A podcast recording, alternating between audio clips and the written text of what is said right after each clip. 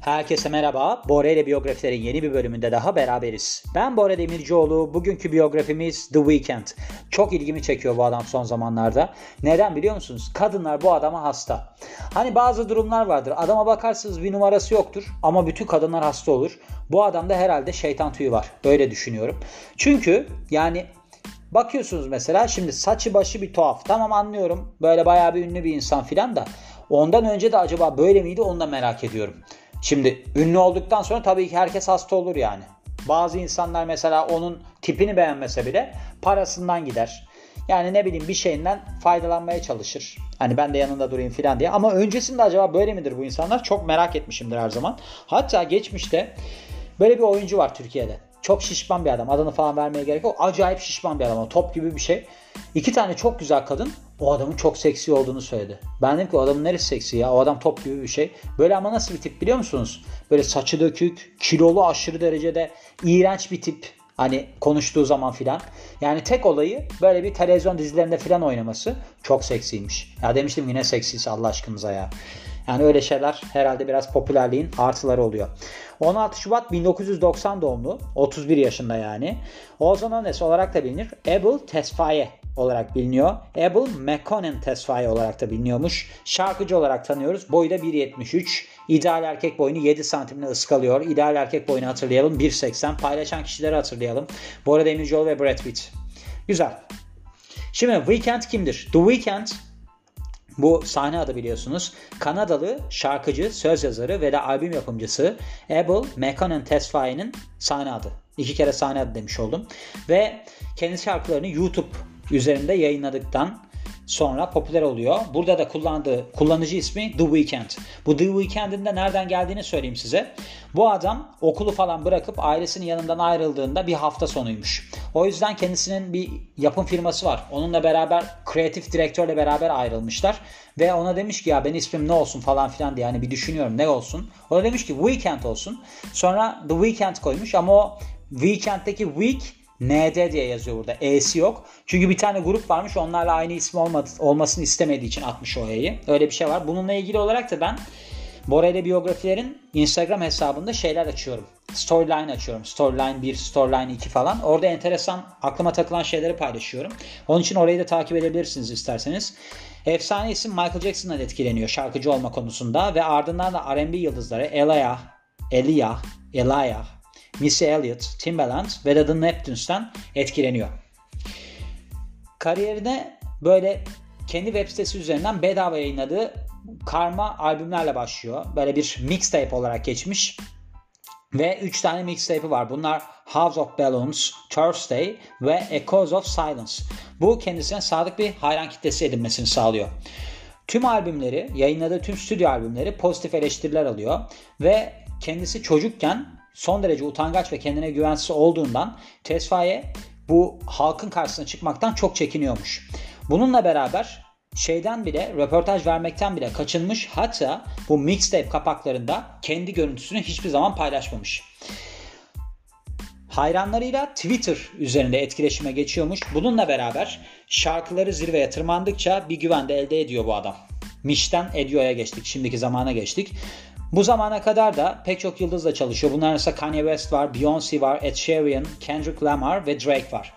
Tesfaye çok böyle benzersiz bir tarzla hatırlanmak istediği için Jean-Michel Basquiat tarzı ondan bir Basquiat bu Jean-Michel Basquiat de şeydir. Bu Andy Warhol'la beraber modern sanat yapan bir sanatçıdır. Kendisinin biyografisi var. İsterseniz onu da dinleyebilirsiniz. Buradaki saç şeklinden etkilenmiş bu adamın ilk kariyerinin ilk başında. Ve o açıdan da kendisinin en öne çıkan özelliklerinden bir tanesiymiş bu saçı. Çok tuhaf bir saçı vardı. Şimdi değiştirdi galiba saçını. Çocukluğuna bakarsak şöyle Makonen'de doğuyor ve Samra Tesfaye şeyde nedir bu? Mekonen ve Samra Tesfaye Mekonen'de doğuyor diyorum. Mekonen ve Samra Tesfaye'nin çocuğu olarak Ontario'da dünyaya gelmiş ve bu çiftin tek çocuklarıymış. Ardından da Etiyopya'dan Kanada'ya taşınıyor aile 1980'lerde. Annesi tarafından büyütülüyor ve de anne tarafından, büyük annesi tarafından. Babasını hatırlamıyor çünkü babası 1 ya da 2 yaşındayken ailesini terk etmiş.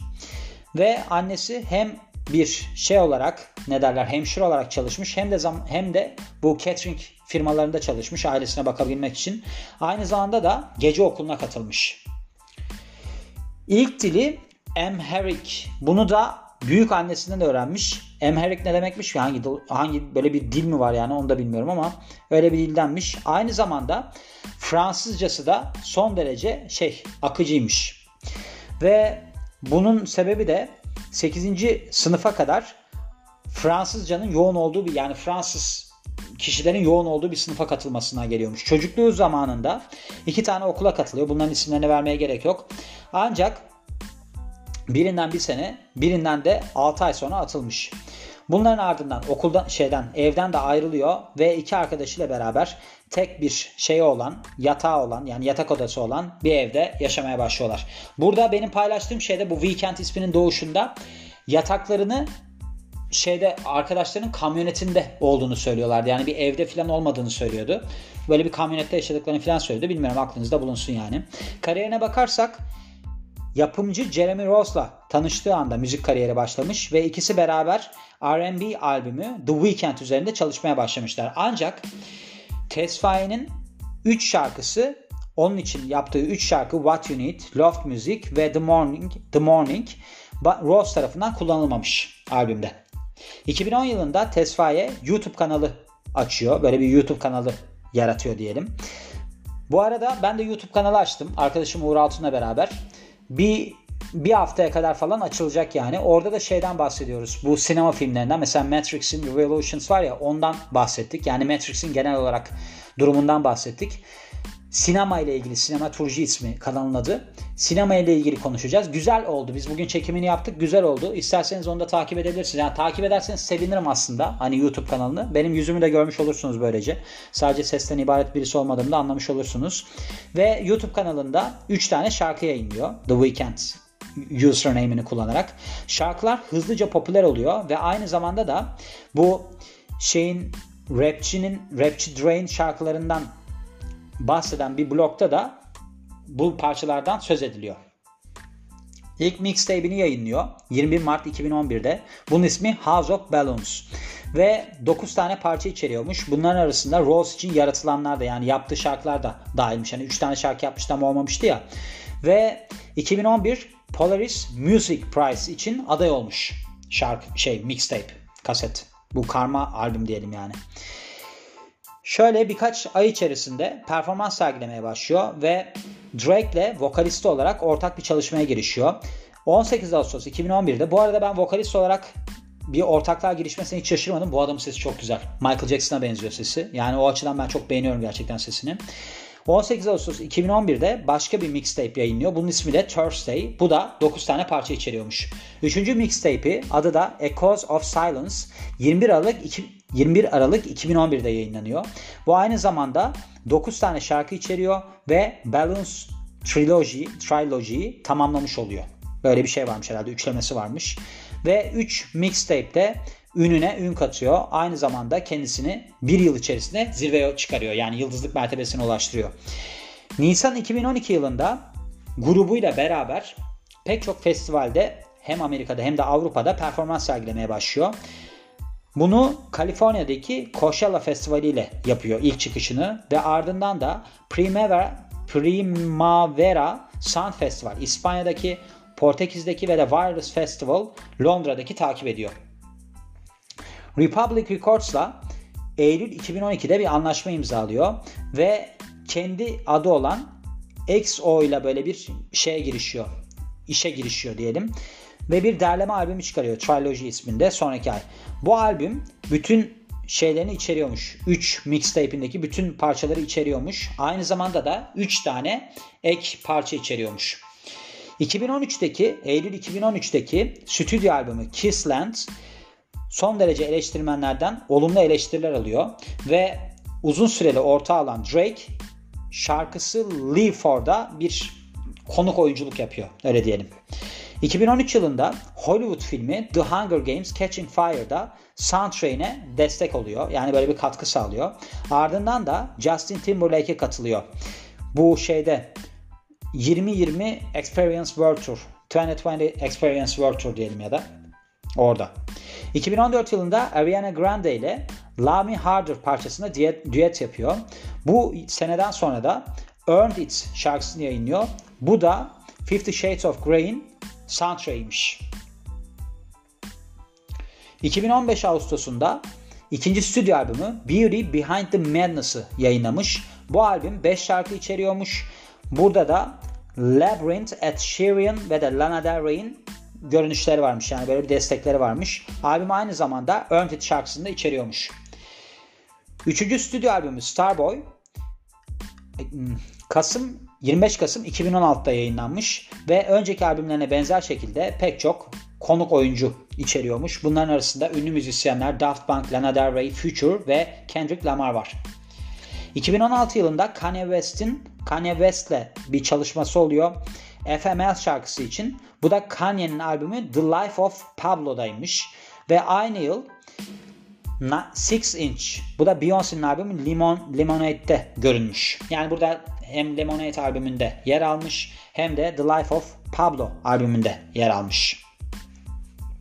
Büyük işlerine bakarsak The Weeknd'in derleme albümü Trilogy Kanada albüm listelerinde 5. sıraya oturuyor ve US Billboard 200'de 4. sıraya oturuyor. Yayınlandığı hafta içerisinde 86 bin tane kopya satmış ve ardından da Amerika'da Platinum statüsüne erişmiş. Ardından da Kanada'da Double Platinum statüsüne erişmiş. Bilmiyorum onların kaç sattığını. İlk stüdyo albümü Kissland Amerika Billboard 200'de ikinci sıraya oturuyor. Ve 96 bin kopya satıyor. Aynı zamanda da 2000 kopyayla albüm böyle bir çıkış yapmasına rağmen bunu sağlamış yani. Beauty Behind the Madness kendisinin en başarılı albümü. Kendisine pek çok ödül ve de adaylık getiriyor. Ve 2015'in en çok satan 10. albümü olmuş. 1,5 milyon kopya satmış dünya çapında ve Amerika'da da şu zamana kadar 2 milyondan fazla kopya satmış. Ödülleri ve başarıları var. Bunlar çok uzun olduğu için bunları geçeceğim sıkıcı olmasın diye. Kişisel yaşamına bakalım. Şimdi The Weeknd bir ilişki halindeymiş. 2015'in başlarında Bella Hadid'le ve aynı zamanda da müzik videosu, müzik klibi In The Night'ta görünmüş Bella Hadid. Ancak 2016 yılının sonlarına doğru çift ayrıldıklarını açıklamışlar. Çünkü demişler ki bizim takvimlerimiz uymuyor. Biz birbirimize yeterince vakit ayıramıyoruz. 2017'nin başlarında popstar Selena Gomez'le adı aşk dedikodusuna karışıyor. Ve böyle beraber bir projede çalışırken görünen o ki demişler birbirlerine yakınlaşmışlar. Ivır zıvır kısmına bakarsak The Weeknd aynı zamanda bir hayırsever ve pek çok sebeple şeye Black Black Lives Matter hareketine yani böyle bir hani siyahlarıyla alakalı olarak insanlara böyle bir ten renklerinden dolayı zulüm yapılması durumu var ya bununla ilgili harekete 250 bin dolar bağışlamış. Ödüllerine bakarsak Best Urban Contemporary Album 2018 yılında Grammy ödüllerinde kazananı yani en iyi şey çağdaş albüm diyelim. 2016 Best R&B Performance kazananı yine bunların hepsi Grammy. Bir de 2016'da Best Urban Contemporary Album bunda kazananı. Gördüğünüz gibi böyle Grammy ödülleri de var. Anladığım kadarıyla bu yalnız 2018'de yazılmış bir şey, biyografi. O açıdan çok güncel olduğunu düşünmüyorum ama şu var. Yani çıkış noktaları falan çok önemli insanların. Bir de bu adamın şeyi var aslında. Bir albüm firması var. Adı galiba XO Records olması lazım. Burada ondan da bahsetmemiş. O açıdan biraz eksik olabiliyor ama ben bu eksiklikleri nasıl tamamlıyorum? Gidiyorum ben onu Borel'e biyografilerin şeyine koyuyorum storyline'ına koyuyorum. Oradan bakabilirsiniz aslında. Çünkü bu mesela XO Pla, yani plak şirketini bu The Weeknd'le menajeri şey var. Emir Cash Esmelian diye bir adam var. Onlar beraber kurmuşlar. Aynı zamanda da hani onun dediğim ya kreatif direktörü falan var. Beraber evden ayrıldığında bu Weekend ismini almasına vesile olan da adam diye. Onun da bir üyeliği oldu yani bir ortağı olduğu söyleniliyor. O açıdan yani böyle bir şirketi de var. Burada ondan bahsetmemiş. Onu da bir altını çizmek isterim. Çünkü 2012'de faaliyete başlamış bir şirket. Onlar da aklınızda bulunsun diyorum ve bu biyografinin de sonuna geliyorum. Beni dinlediğiniz için çok teşekkür ederim. Ben Bora Demircioğlu. Yeni bir biyografide görüşmek üzere. Hoşçakalın.